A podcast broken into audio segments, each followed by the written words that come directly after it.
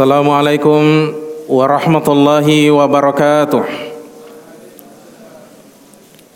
Innal hamdalillah nahmaduhu wa nasta'inuhu wa nastaghfiruh wa na'udzu billahi min shururi anfusina wa min sayyiati a'malina may yahdihillahu fala wa may yudlil واشهد ان لا اله الا الله وحده لا شريك له واشهد ان محمدا عبده ورسوله يا ايها الذين امنوا اتقوا الله حق تقاته ولا تموتن الا وانتم مسلمون اما بعد فان اصدق الحديث كتاب الله وخير الهدي هدي محمد صلى الله عليه وسلم وشر الامور محدثاتها وكل محدثه بدعه kulla bid'atin dalalah Hadirin sekalian yang kami muliakan Alhamdulillah di malam hari yang berbahagia ini kembali kita melanjutkan kajian rutin kita dalam membahas kitab Riyadhus Shalihin sebuah kitab adab yang ditulis oleh Abu Zakaria An-Nawawi rahimahullahu taala. Pada pertemuan kali ini insyaallah taala kita akan masuk dalam bab yang baru Bab yang kedua bab taubati. Bab tentang taubat. Taubat secara bahasa bermakna roja'ah. Bermakna kembali. Jadi seorang hamba ketika dia bermaksiat kepada Allah Subhanahu wa taala maka dia dianggap seperti orang yang lari dari penjagaan Allah Subhanahu wa taala. Oleh karena itu ada syariat yang Allah tetapkan bagi orang yang berbuat dosa dan maksiat untuk melakukan taubat agar dia kembali dari pelariannya menuju Allah Subhanahu wa taala.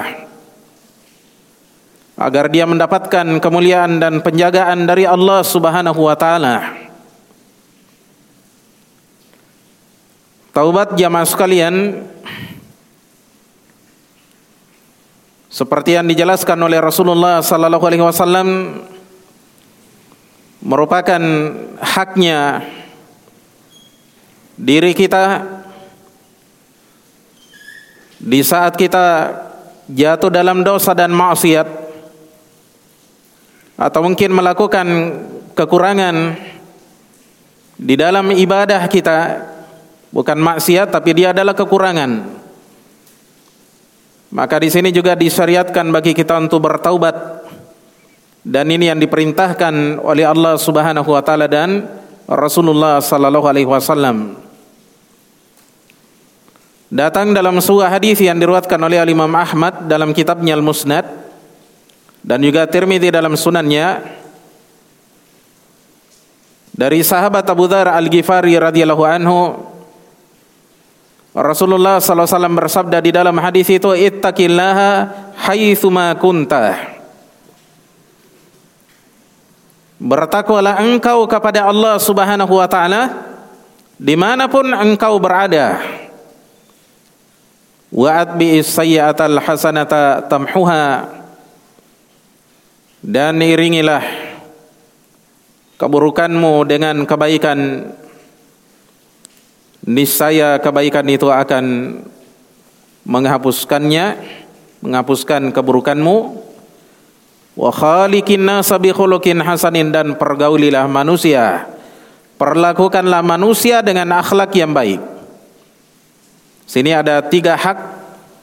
Haknya Allah Subhanahu wa taala atas hamba yaitu takwa Allah Seorang hamba dituntut untuk bertakwa kepada Allah yakni dalam ya melakukan ketaatan, meninggalkan maksiat. Perintah pertama kali adalah takwa Allah. Akan tetapi terkadang manusia jatuh dalam pelanggaran, dalam dosa, dalam maksiat atau paling minimal dia lalai dalam ibadahnya dia melakukan keteledoran, dia melakukan kekurangan di dalam ibadahnya. Maka semua ini membutuhkan ampunan dari Allah Subhanahu wa taala. Jadi ketika seorang hamba berusaha untuk bertakwa kepada Allah Subhanahu wa taala, maka ada saja masa-masa kelalaian seorang manusia. Bahkan ada sebagian di antara kita jemaah sekalian yang terjatuh dalam maksiat. Oleh karena itu datang setelah perintah takwa agar seorang hamba menutupi dosa dan maksiatnya, menutupi kekurangan-kekurangannya dalam menghambakan diri kepada Allah Subhanahu wa taala. Ya, diperintah untuk bertaubat kepada Allah Subhanahu wa taala. Ya.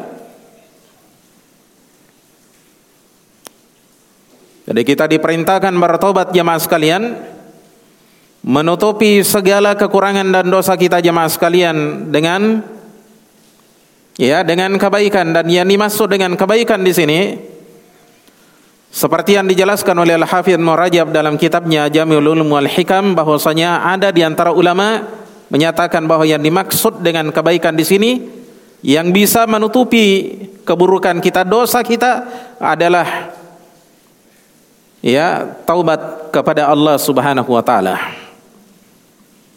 Dan ini merupakan haknya diri kita di saat kita terjatuh dalam dosa, di saat kita terjatuh dalam kekurangan dalam menunaikan haknya Allah Subhanahu wa taala, kita dianjurkan, kita diperintah untuk segera bertaubat kepada Allah Subhanahu wa taala, kita kembali kepada Allah. Ini taubat jemaah sekalian. Dan nanti insyaallah taala kita akan nukilkan juga dari ulama-ulama kita yang lainnya tentang ya taubat ini definisinya dan batasan-batasannya kemudian anjuran agar kita bersegera di dalam bertaubat kepada Allah Subhanahu wa taala. Namun sebelum kita menukil hal itu, maka kita bacakan dulu kalimat dari penulis yaitu An-Nawawi rahimahullahu taala dalam muqaddimah pada penyebab ini, bab yang kedua ini Kata beliau rahimahullahu taala bab taubati bab taubat. Bab tentang taubat. Qala al ulama'u at-taubatu wajibatun min kulli dzambin. Pertama beliau jelaskan di sini hukum dari taubat. Katanya para ulama berkata, taubat itu merupakan salah satu kewajiban ya Hukumnya wajib dari setiap dosa. Ya. Jadi bertaubat itu adalah sesuatu yang wajib dari setiap dosa. Apakah itu dosa besar jemaah sekalian ataukah dosa kecil? Kita dituntut untuk meninggalkan Dosa-dosa tersebut apakah dosa kecil jamaah sekalian? Apalagi dosa besar?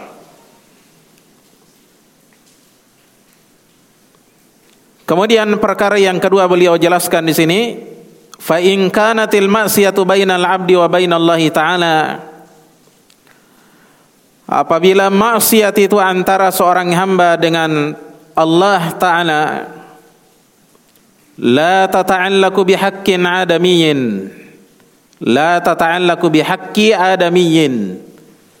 Tidak terkait dengan haknya seorang manusia falaha thuru thalathatu syurutin. Maka taubat ini memiliki tiga syarat. Jadi kalau taubat kita ingin diterima oleh Allah Subhanahu wa taala maka ada tiga syaratnya kalau dosa yang kita lakukan ini tidak terkait dengan haknya manusia. Kalau terkait dengan haknya manusia, nanti ada syarat yang lain yang akan ditambahkan oleh penulis rahimahullah. Yang pertama kata beliau ahaduha ayyakla'a anil maksiyati. Boleh juga dibaca ayyukli'a anil maksiyah. Hendaknya seorang hamba meninggalkan maksiat tersebut, melepaskan diri dari maksiat tersebut. Ya.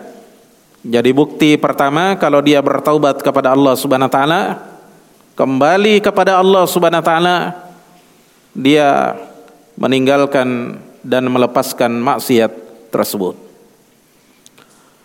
Kemudian yang kedua jemaah sekalian wasani ayandama ala fi'liha. Yang kedua hendaknya seorang hamba menyesal atas perbuatan maksiatnya tersebut. Jadi tidak cukup kita meninggalkannya, kemudian setelah itu kita merasa aman.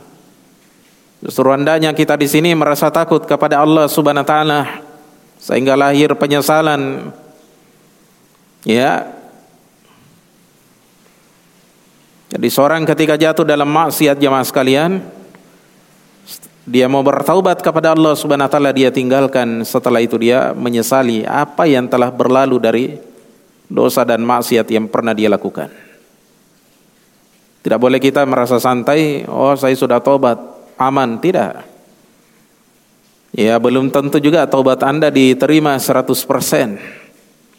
Apalagi kalau Anda menganggap remeh dosa tersebut, Wasalithu yang ketiga ayyasima alla ya'uda ilaiha abadan. Syarat yang ketiga kata Nawawi rahimahullah hendaknya seorang hamba bertekad beransam ya bertekad untuk tidak kembali kepada maksiat itu abadan selama-lamanya. Jadi dia berusaha ya Inilah yang disebut dengan taubatun nasuha. Ya, yang diperintahkan oleh Allah Subhanahu wa taala di dalam Al-Qur'an, tubu ilallahi taubatan nasuha. Bertaubatlah kalian kepada Allah dengan taubat nasuha. Taubat yang murni. Pertama dia tinggalkan, kemudian dia sesali maksiat yang pernah dia lakukan. Kemudian yang ketiga dia berazam dia berniat berkeinginan kuat untuk tidak lagi kembali dan jatuh dalam maksiat itu selama-lamanya. Fa in fukida ahadu thalathati lam tasihha taubatuhu. Kata Nawawi rahimahullah jika salah satu dari tiga syarat ini hilang ya Ya, fukira itu artinya terluputkan ya, hilang. Lam tasihha taubatuhu, maka taubatnya tidak sah. Iya. Jadi ada di antara kita misalnya dia mau bertaubat. Ya, dia sesali maksiatnya. Misalnya dia pernah minum khamar naudzubillah Ya, dia menyesali apa yang sudah berlalu. Tapi dia tidak tinggalkan. Masih saja dia lanjut. Maka orang yang seperti ini jamaah sekalian, taubatnya adalah taubat yang tidak diterima oleh Allah Subhanahu wa taala. Atau mungkin dia meninggalkannya jamaah sekalian tapi dia tidak menyesali. Bahkan dia berbangga dengan maksiat yang pernah dia lakukan. Auzubillah. Orang yang seperti ini jamaah sekalian, taubatnya tidak akan diterima oleh Allah Subhanahu wa taala. Atau mungkin yang ketiga jamaah sekalian ya. Jadi dia tinggalkan, dia sesali dosanya tapi dia berencana kembali lagi. Ya. Maka orang yang seperti ini tidak akan diterima taubatnya oleh Allah Subhanahu wa taala. Tiga syarat ini harus kita hadirkan jamaah sekalian ketika dosa kita ya ingin diampuni oleh Allah Subhanahu wa taala. Kita bertaubat dengan tiga syarat ini jamaah sekalian. Wa in kanatil ma'siyatu tata'allaqu bi adamiyyin. Ah, ini tadi dosa yang terkait dengan Allah Subhanahu wa taala, tidak ada kaitannya dengan manusia.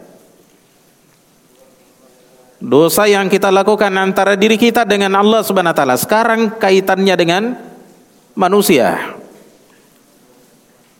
Kata beliau wa in kanatil ma'siyatu tata'allaqu bi adamiyyin jika maksiat itu terkait dengan manusia fasurutuha arba'atun maka syaratnya ada empat. Hadhihi salah satu yang tiga ini tadi telah kita sebutkan tadi kemudian ditambah yang keempat. Wa yabra min haqqi sahibiha hendaknya ya berlepas ya membersihkan diri dari hak pemiliknya. Jadi kita pernah mencuri barangnya orang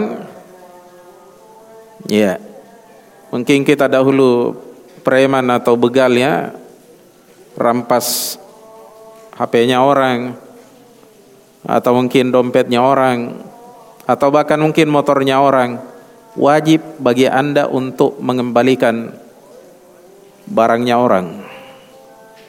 Ya. Taib. Fa in kanat malan aw nahwahu raddahu ilaih.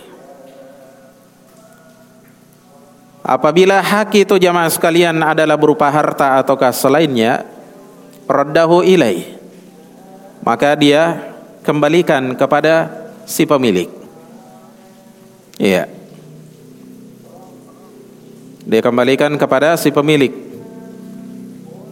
Apakah berupa harta atau yang lainnya misalnya, misalnya ada di antara kita mencuri hak ciptanya orang. Ya, Paham ya? Curi hak ciptanya orang. Maka dia kembalikan hak ciptanya orang di mana sebelumnya dia klaim akhirnya orang lain meninggalkan haknya tersebut karena dicuri.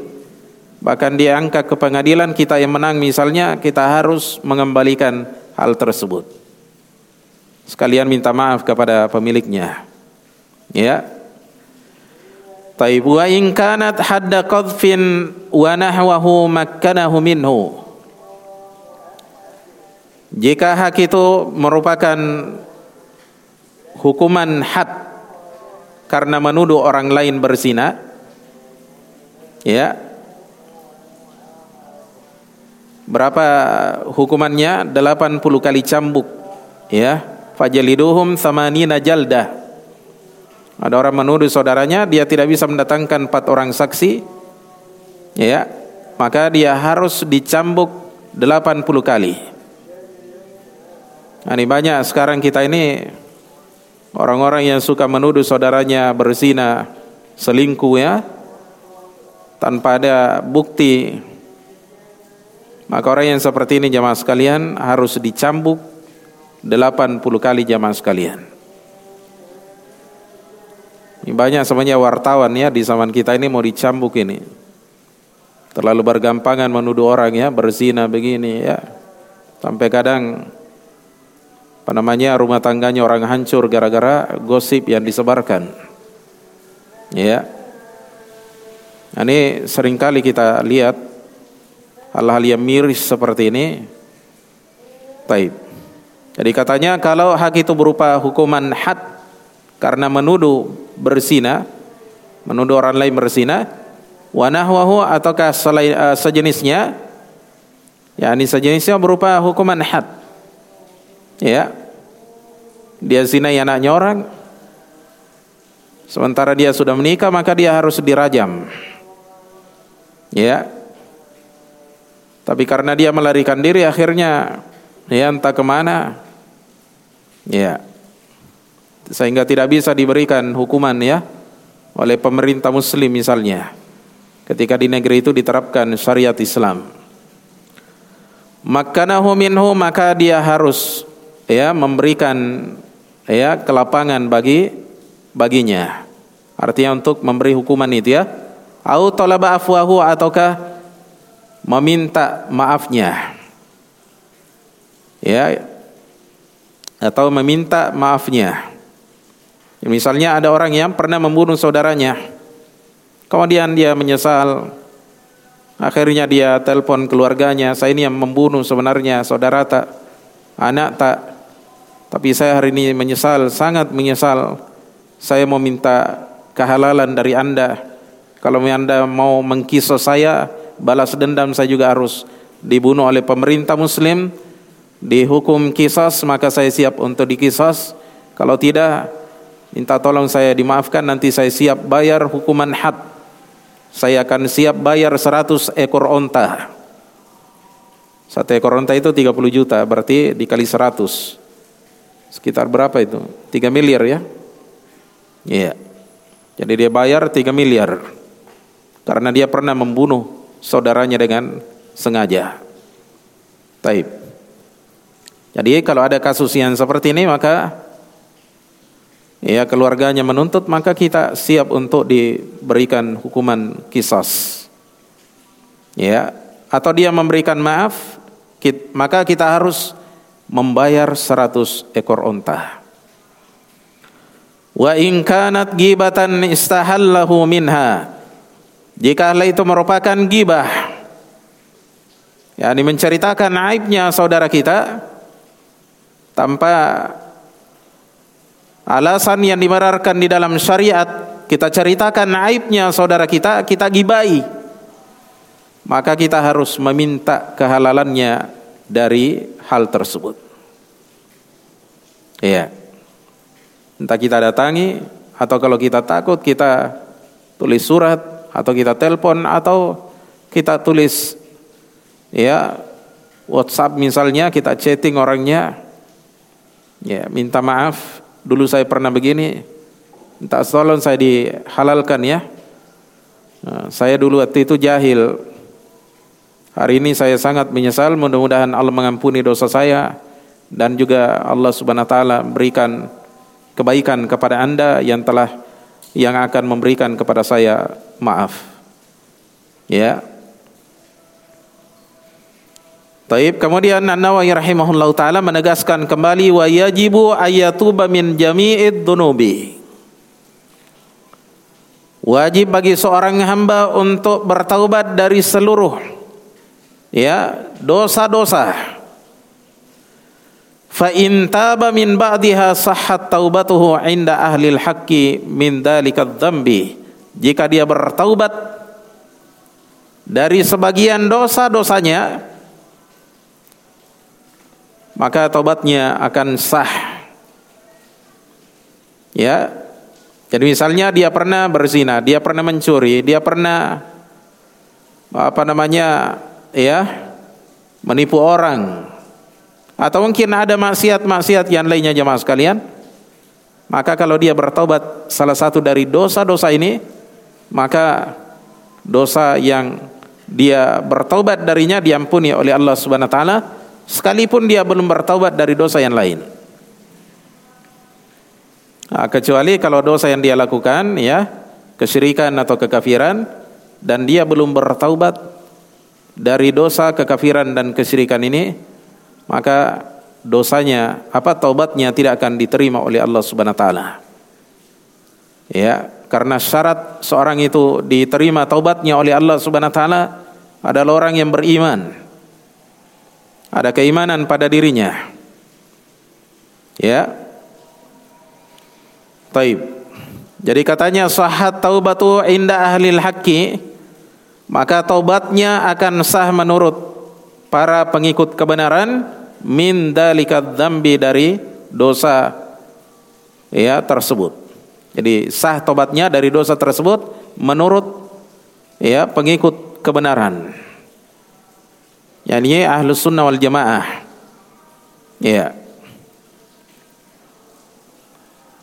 Waqad tadhaharat dalailul kitabi was sunnati wa ijma'il ummati ala wujubi taubati Sungguh katanya telah banyak dalil-dalil dari Al-Kitab dan Sunnah serta ijma'nya umat ini yakni ulama dari umat ini ala wujubi taubati tentang wajibnya bertaubat Yani taubat dari dosa besar, dosa yang kecil jemaah sekalian.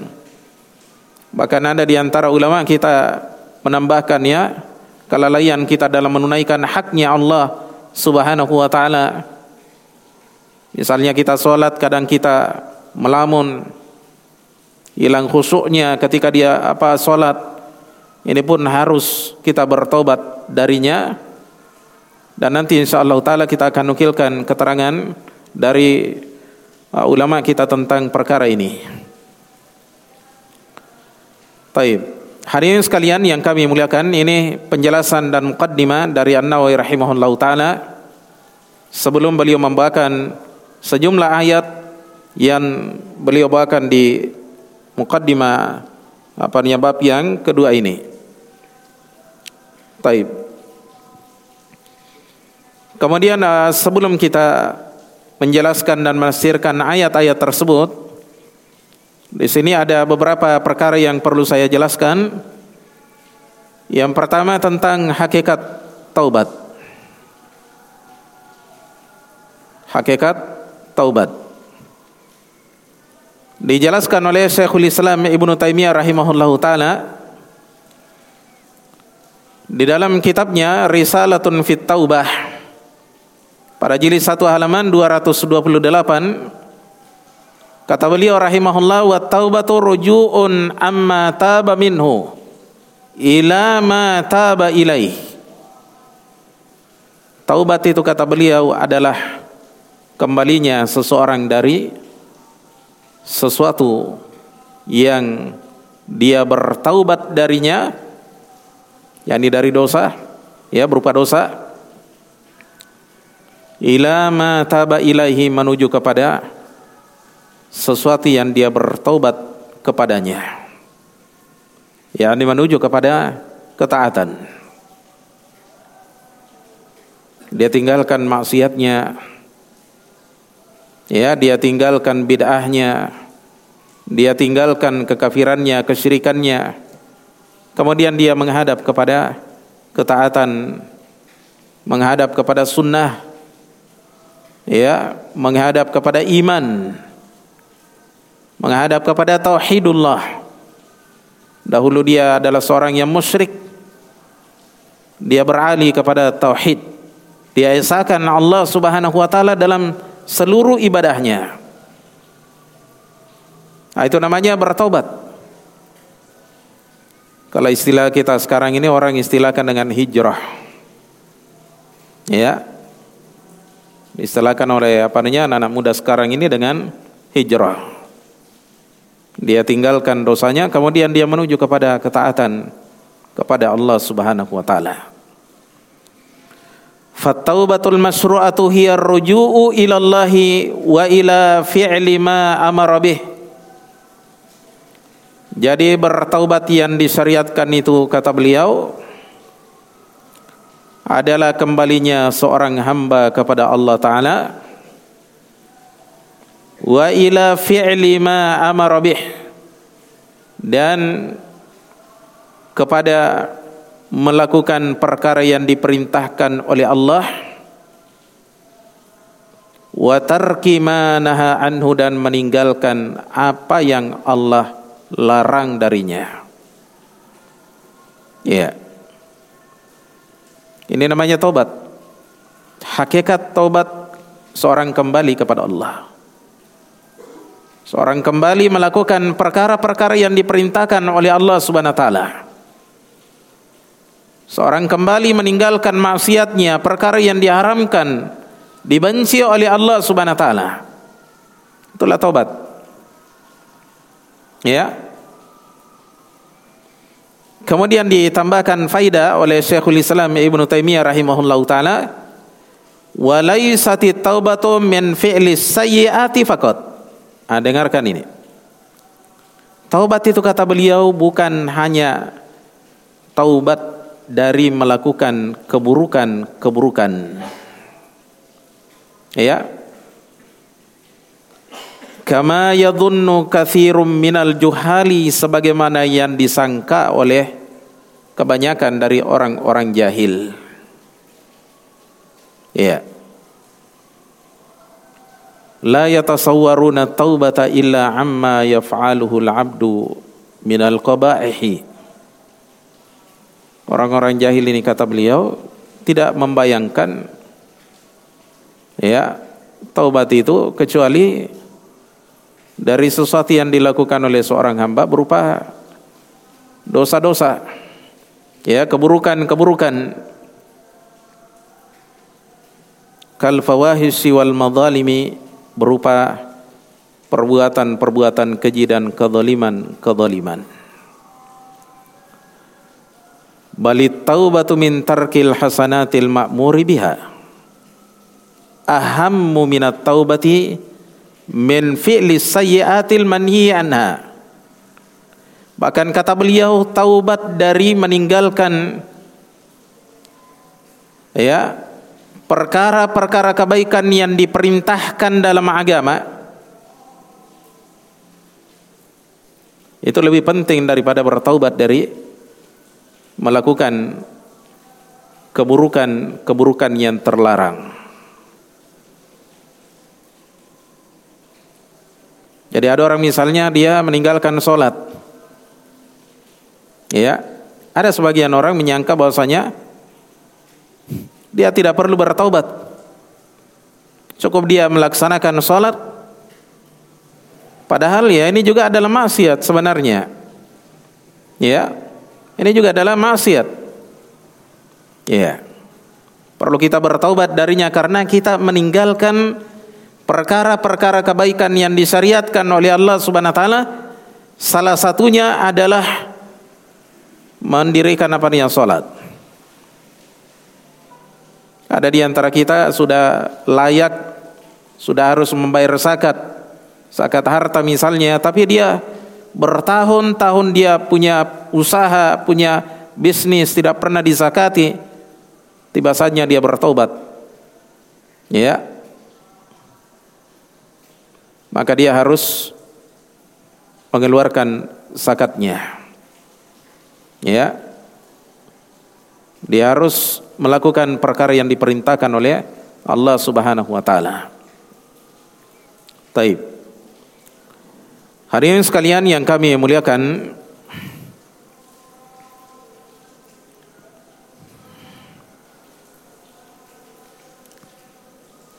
Kemudian perkara yang kedua perlu saya jelaskan juga di sini kaitannya juga dengan apa yang uh, disampaikan oleh Syekhul Islam Ibn Taimiyah tadi yaitu tentang anwa'ut taubah.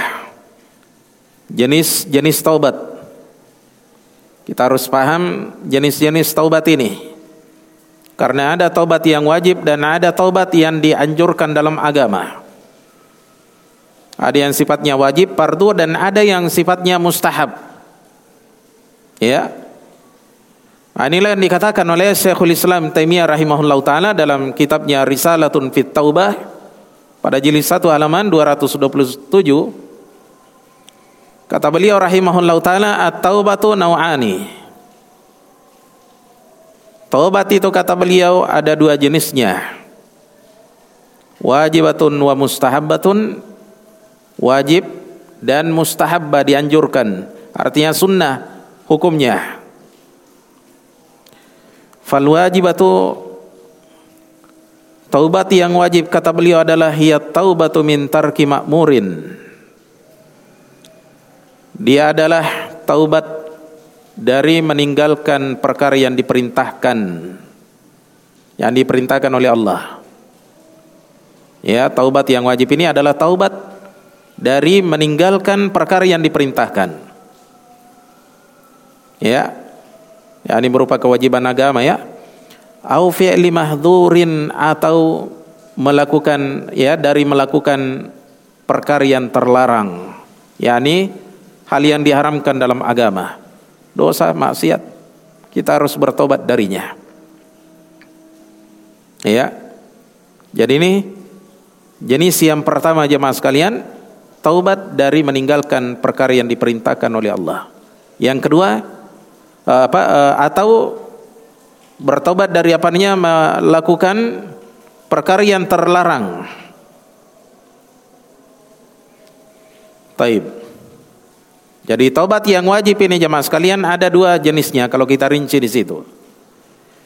Wa hadhihi wajibatun ala jami'il mukallafina kama amarahumullahu bidzalika fi kitabih.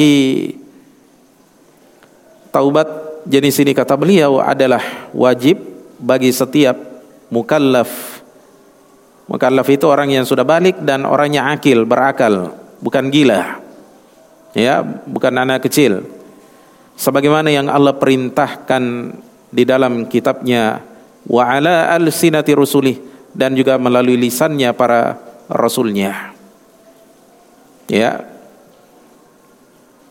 Nah, ini yang tadi dijelaskan oleh Syekhul Islam Taimiyah rahimahullah bahwasanya seorang bertaubat bukan hanya bertaubat dari perkara yang terlarang berupa dosa maksiat bukan ya, tapi juga ya seorang bertaubat dari apa namanya meninggalkan perkara yang diperintahkan dalam agama. Nah, ini jenis yang pertama. Kemudian jenis yang kedua kata beliau rahimahullah wal mustahabbatu taubat yang dianjurkan yang ya disunnahkan hiya taubatu min tarkil mustahabbati. Dia adalah taubat dari meninggalkan perkara-perkara yang mustahabbat. Ya, perkara-perkara yang disunahkan tidak wajib hukumnya. Wa fi'lil makruhati dan dari melakukan hal-hal yang makruh. Ya. Nah, di sini juga taubat yang mustahab ini dianjurkan ini ada dua jenisnya kalau kita rinci. Pertama bertobat dari meninggalkan perkara yang disunahkan. Kemudian yang kedua adalah melakukan bertobat dari melakukan perkara yang makruh.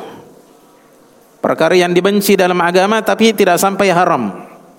Itu namanya makruh. Ya,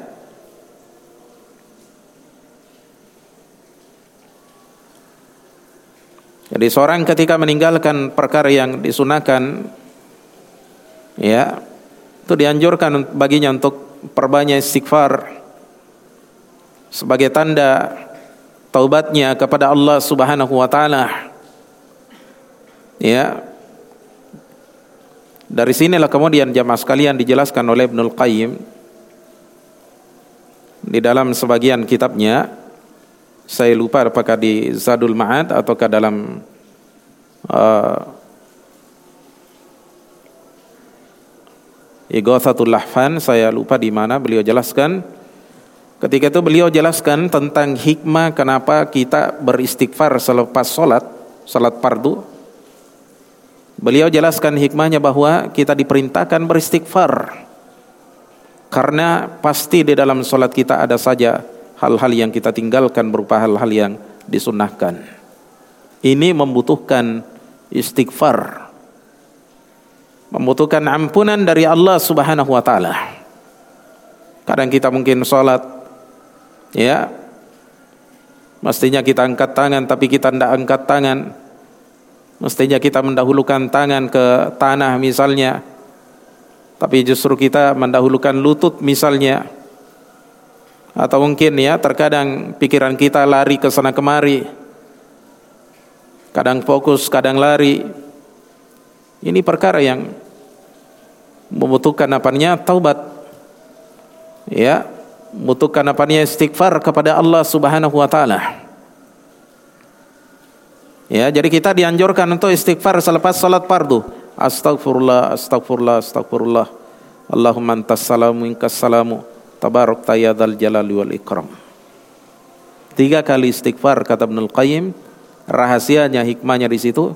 Karena pasti di dalam solat fardu kita ada saja hal-hal yang disunahkan kita kita tinggalkan ataukah ada saja hal-hal yang makruh mungkin kita lakukan di dalam solat sementara kita solat ada sebagian orang ya bersihkan telinganya bersihkan hidungnya bersihkan tai matanya garuk badannya ya atau mungkin ya pikirannya lari. Ya, kadang ada hal-hal yang seperti ini semuanya membutuhkan ampunan dari Allah Subhanahu wa taala. Seorang hamba diperintahkan untuk bertaubat kembali kepada Allah Subhanahu wa taala dalam hal-hal yang seperti ini. Baik.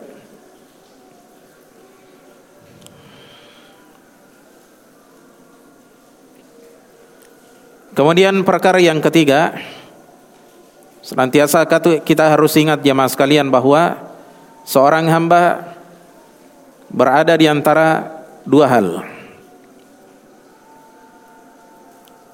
Antara nikmat yang dia dapatkan dari Allah Subhanahu wa taala menuntut dari dirinya kesyukuran kepada Allah Subhanahu wa taala. Kemudian yang kedua terkadang dia jatuh di dalam dosa. Ya, maka ini menuntut dari seorang hamba adanya taubat kepada Allah Subhanahu wa taala. Oleh karena itu dijelaskan juga oleh Syekhul Islam Ibn Taimiyah rahimahullah di dalam kitabnya yang lain berjudul Amradul Qalbi pada halaman 117 kata beliau fal abdu daiman baina ni'matin minallah. Ya. Seorang hamba itu senantiasa berada di antara nikmat dari Allah. Yahtaju fiha ila syukrin yang di dalamnya dia butuh kepada kesyukuran. Ini kondisi yang pertama. Kemudian yang kedua kata beliau, wadam bin minhu dan juga dosa darinya yahtaju fihi ila istighfarin yang di dalamnya seorang hamba butuh kepada istighfar butuh ampunan dari Allah Subhanahu wa taala dia padanya wajib untuk bertaubat kepada Allah Subhanahu wa taala. Ini kita kadang seperti itu antara ya nikmat dan dosa. Terlalu banyak kita dapatkan nikmat dari Allah Subhanahu wa taala tapi terkadang nikmat ini tidak digunakan dengan sebaik-baiknya melakukan perkara yang Allah cintai justru kita gunakan dalam perkara maksiat naudzubillah. Ya, Sini tampak bagi kita jemaah sekalian pentingnya seorang hamba senantiasa memperbanyak istighfarnya, memperbanyak taubatnya kepada Allah Subhanahu wa taala karena manusia adalah tempat kelalaian. Kadang kita dikalahkan oleh musuh kita yang bernama syaitan. Kadang kita dikalahkan, ditundukkan oleh musuh kita yang bernama hawa nafsu kita. Kadang ya semuanya membutuhkan ya taubat dari Allah Subhanahu kepada Allah Subhanahu taala. Kita butuh me, ya mengakui dosa-dosa kita jemaah sekalian. Kita minta ampunan kepada Allah Subhanahu wa taala. Hadirin sekalian yang kami muliakan,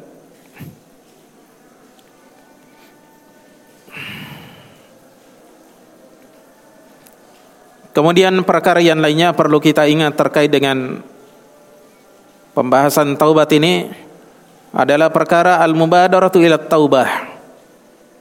Bersegera untuk bertaubat kepada Allah Subhanahu wa taala.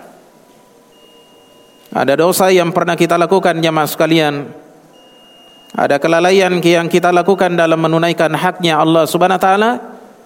Di dalamnya kita butuh untuk bertaubat kepada Allah Subhanahu wa taala.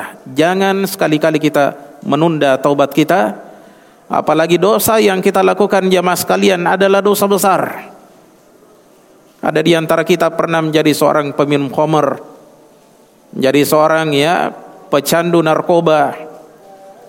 Ada di antara kita yang pernah mencuri, bahkan mungkin kerjanya sebagai pencuri, pembegal, ya perampok misalnya. Ada di antara kita yang pernah berzina, naudzubillah. Ada di antara kita yang pernah kerjanya menipu, mengambil haknya orang lain dengan cara yang haram. Seperti sekarang ini banyak ya penipu-penipu di media online ini. Ya, yang halo-halo lah atau apalah istilahnya, banyak ini bertebaran. Suka nipu orang ya, suka kirimi orang ya. Eh, apa namanya SMS atau mungkin ya chatting di WhatsApp atau di media-media lain hanya karena ingin mengambil harta kaum muslimin, harta manusia dengan cara yang diharamkan di dalam agama. Semua dosa jamaah sekalian yang menuntut kita untuk segera bertobat kepada Allah Subhanahu wa taala. Mungkin dahulu kita pernah jatuh dalam kesyirikan jamaah sekalian. Kita butuh bertobat dari hal itu. Segera kita bertobat Mungkin ada di antara kita jemaah sekalian pernah melakukan bid'ah. Pernah melakukan dosa-dosa besar, pernah melakukan maksiat. Entah secara terang-terangan jemaah sekalian ataukah secara sembunyi. Kita wajib bersegera untuk bertaubat kepada Allah Subhanahu wa taala. Sebelum pintu taubat itu ditutup oleh Allah Subhanahu wa taala dalam dua keadaan. Pertama, ditutup dengan datangnya ajal kita. Yang kedua jamaah sekalian ditutup dengan terbitnya matahari dari arah barat. Oleh karena itu ada seorang ulama kita yang bernama Ibnul Hajj Al-Fasi rahimahullah taala Ibnul Hajj Al-Fasi rahimahullah seorang ulama Malikiyah berkata dalam kitabnya Al-Madkhal pada jilid 1 halaman 302 kata beliau Fababu taubati maftuhun ila an tatlu as-samsu min magribiha. Pintu taubat itu kata beliau terus terbuka sampai terbitnya matahari dari arah barat. Famahma waqa'al mu'minu fi syai'in fi syai'in ma mimma yaqa'u alaihi fihi al'atabu min jihati syar'i. Maka kapan saja seorang hamba itu terjatuh dalam dosa yang di dalamnya ada celaan dari arah syariat fahuwa mukhatabun bil mubadarati ila taubati syar'iyyati. Maka dia diperintahkan untuk bersegera menuju taubat yang syar'i. Iya. Jadi selama padanya pintu taubat ini jamaah sekalian masih terbuka, kiamat belum tiba, entah kiamat besar yang matahari akan terbit dari arah barat atau kiamat kecil yang kita kenal dengan kematian maka ini merupakan kesempatan bagi kita untuk segera bertobat kepada Allah Subhanahu wa taala. Jangan pernah kita tunda karena berangan-angan bahwasanya taubat kita, umur kita masih panjang, usia kita masih sekian. Ya. Ini yang banyak membinasakan sebagian di antara kaum muslimin dia menunda-nunda taubatnya pada di depannya ada kesempatan untuk bertaubat sehingga akhirnya datanglah al-maut menjemput dirinya.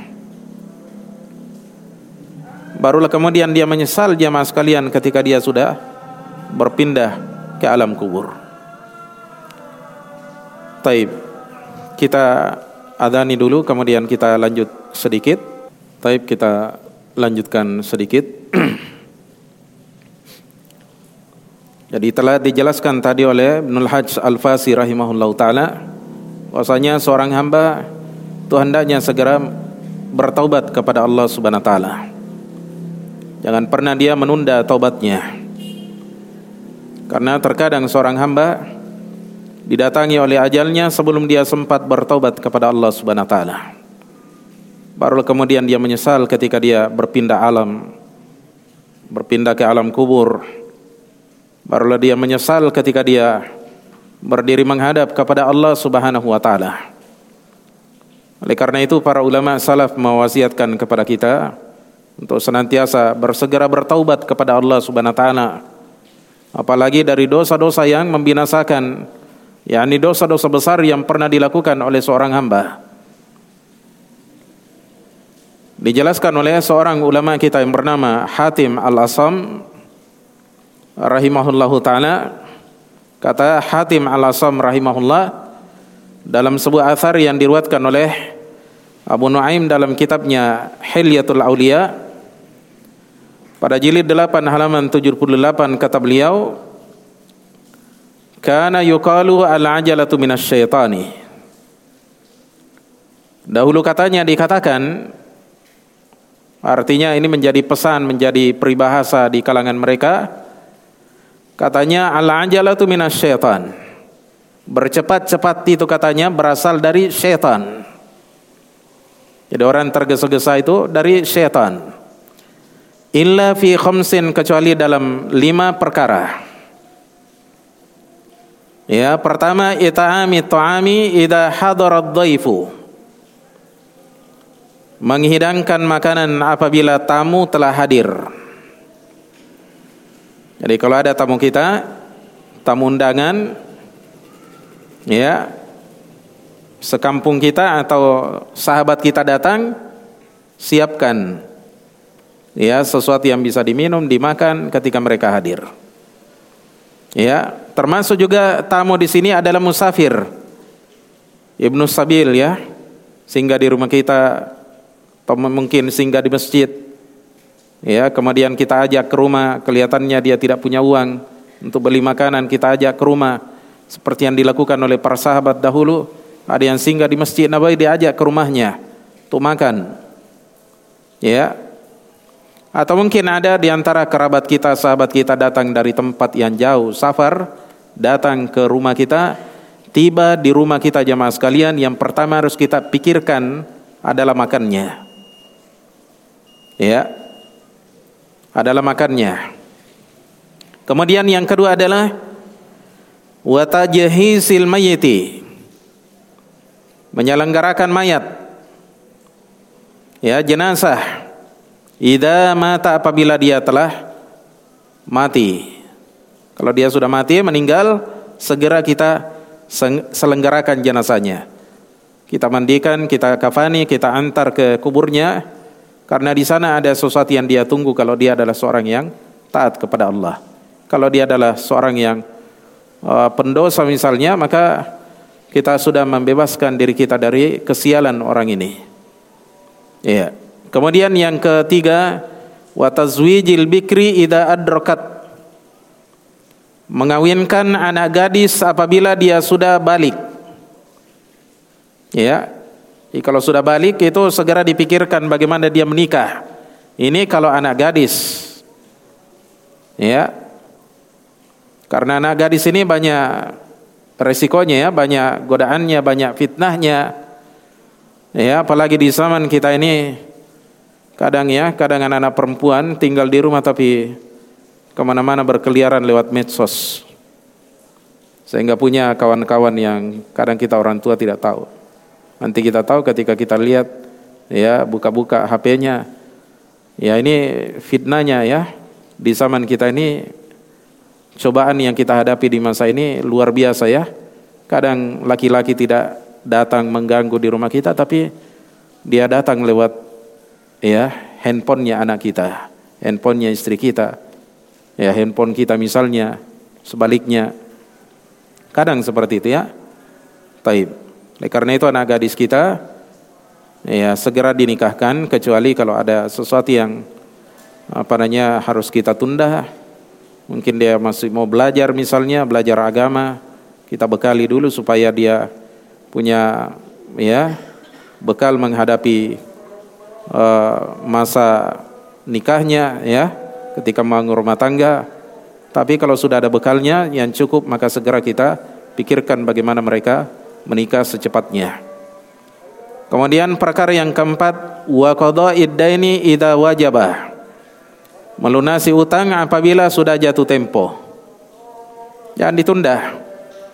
Karena kata Nabi SAW matlul ghaniyyi dhulmun. Penangguhan orang yang mampu yakni bayar utang itu adalah kedoliman. Kemudian yang keempat adalah wa taubati minadz dzambi idza adnaba. Perkara yang kelima kita harus bersegera bercepat-cepat di dalamnya bertaubat dari dosa apabila kita jatuh dalam sebuah dosa. Ya. Ini tidak boleh kita tunda ya. Karena kita tidak tahu ajal kapan dia datang. Mungkin hari ini kita sehat, masih kuat. Tiba-tiba kita mendapatkan ya musibah. Mungkin berupa longsor, berupa gempa, berupa banjir, kita hanyut. Atau mungkin ada kecelakaan, tabrakan. Ya, atau mungkin ada orang yang menyerang rumah kita, membakar rumah kita. Kita tidak tahu. Tiba-tiba ajal itu datang. Dan ajal itu tidak memandang usia. Ya. Taib. Jadi seorang hamba jamaah sekalian itu harus segera ya bertobat kepada Allah Subhanahu wa taala. Jangan pernah kita menunda-nunda taubat tersebut. Karena kadang jamaah sekalian ketika kita menunda taubat taubat kita dari dosa-dosa yang kita lakukan jamaah sekalian, maka kadang kita akan semakin tersesat. Pintu taubat tertutup bagi kita jamaah sekalian Ketika kita larut dalam dosa dan maksiat, Karena dosa seperti yang dijelaskan oleh para ulama kita seperti orang-orang yang bersaudara. Satu kita lakukan jamaah sekalian, satu kita datangkan pada diri kita maka dia akan ya datang ya saudara-saudaranya yang lain akan datang. Oleh karena itu ada seorang di antara ulama salaf yang bernama Syakik bin Ibrahim Al-Khurasani rahimahullah dinukilkan ucapannya oleh Ibnul Qayyim rahimahullah taala dalam kitabnya Al-Fawaid pada halaman 177 ketika itu Ibnul Qayyim apa ketika itu Syakik bin Ibrahim Al-Khurasani rahimahullah berkata ugliqa babu taufiki anil khalqi. Pintu taufik pintu hidayah itu ditutup bagi seorang manusia min sittati asya karena apa dari enam sebab. Jadi orang kadang dihalangi mendapatkan hidayah ya. Untuk semakin apanya ya baik ya menjadi orang yang baik ya. Ditutup baginya pintu hidayah dari enam sebab enam arah ini jamaah sekalian Salah satu di antaranya jamaah sekalian, beliau sebutkan yang ketiga di sini wal musaraati ila dzambi wa ta'khiri taubati. Bersegera kepada dosa dan menangguhkan, melambatkan taubat. Jadi ada sebagian orang di antara ya manusia ini jamaah sekalian, ya dia cepat sekali kepada dosa cepat sekali dia melakukan maksiat. Cepat dia tergoda. Ya oleh hawa nafsunya, oleh syaitannya. Tapi ketika dia dinasihati, lambat di dalam meninggalkan maksiatnya, lambat di dalam bertaubat kepada Allah Subhanahu wa taala. Akhirnya jemaah sekalian, ditutup baginya pintu hidayah. Ya, Oleh karena itu jamaah sekalian, ada sebagian orang dahulu diberikan kesadaran oleh Allah Subhanahu wa taala muncul perasaan bersalah di dalam hatinya ketika dia melakukan maksiat jamaah sekalian tapi karena dia biarkan dirinya di dalam maksiat tidak pernah dia mau bertaubat tidak bersegera di dalam bertaubat akhirnya dia melakukan maksiat demi maksiat jamaah sekalian Nah, ini seperti yang dilakukan oleh seorang ya salah seorang di antara umat sebelum kita. Dia dikenal dengan ya seorang yang membunuh seratus nyawa jemaah sekalian.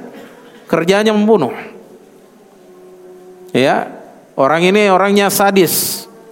Kalau mungkin sekarang istilah ini residivis ya. Oh, pokoknya banyak sekali orang dia bunuh. Sampai 99 orang dia bunuh tiba-tiba muncul kesadarannya mau bertaubat kepada Allah Subhanahu wa taala. Dia datang kepada orang yang ahli ibadah tapi dia jahil tentang agama. Katanya, "Ya hali min tauba apakah saya katanya masih bisa mendapatkan jalan bertobat?" Maka si ahli ibadah ini katakan, "Oh, kamu ini sudah terlalu banyak dosamu. Sudah terlalu besar dosamu, tidak ada lagi pintu tobat bagimu." Karena dia emosi jamaah sekalian akhirnya dia sekalian sempurnakan menjadi seratus orang dia bunuh. Ya berjalan-berjalan waktu jamaah sekalian masih ada perasaan bersalahnya. Akhirnya dia cari lagi orangnya. Dia tempati bertanya. Akhirnya dia ditunjukkan kepada orang yang berilmu. Orang yang paham agama dia bertanya tentang pintu taubat baginya. Orang yang berilmu itu katakan bahwasanya apa yang menghalangi dirimu untuk bertobat? Pintu tobat itu senantiasa terbuka sampai matahari akan terbit dari arah barat, sampai ajalmu datang. Kamu segera bertobat, tinggalkan kampung halaman ini karena kampung halaman ini adalah kampung halaman yang penuh dengan keburukan. Tinggalkan teman-temanmu, pergi ke tempat yang lain kamu bergabung di sana, berkumpul di sana bersama dengan orang-orang yang menyembah Allah Subhanahu wa taala. Orang-orang yang ingin memperbaiki dirinya. Jadi seorang hamba jamaah sekalian itu harus menyegerakan apa dia taubatnya kepada Allah Subhanahu wa taala. Jangan sekali-kali dia ya mengundur-undur apa dia taubatnya. Karena dosa ini jamaah sekalian ibaratnya seperti racun. Racun bagi hati manusia dan bahkan mungkin jasad manusia. Nanti insya Allah taala pada pertemuan berikutnya saya akan nukilkan sebuah ya asar dari uh, sebagian ya salaf dalam perkara ini dari seorang ulama kita tentang apa dosa ini adalah merupakan racun dan obatnya adalah tobat. Subhanakallahumma bihamdika asyhadu la ilaha illa anta astaghfiruka wa atubu ilaik. Assalamualaikum warahmatullahi wabarakatuh.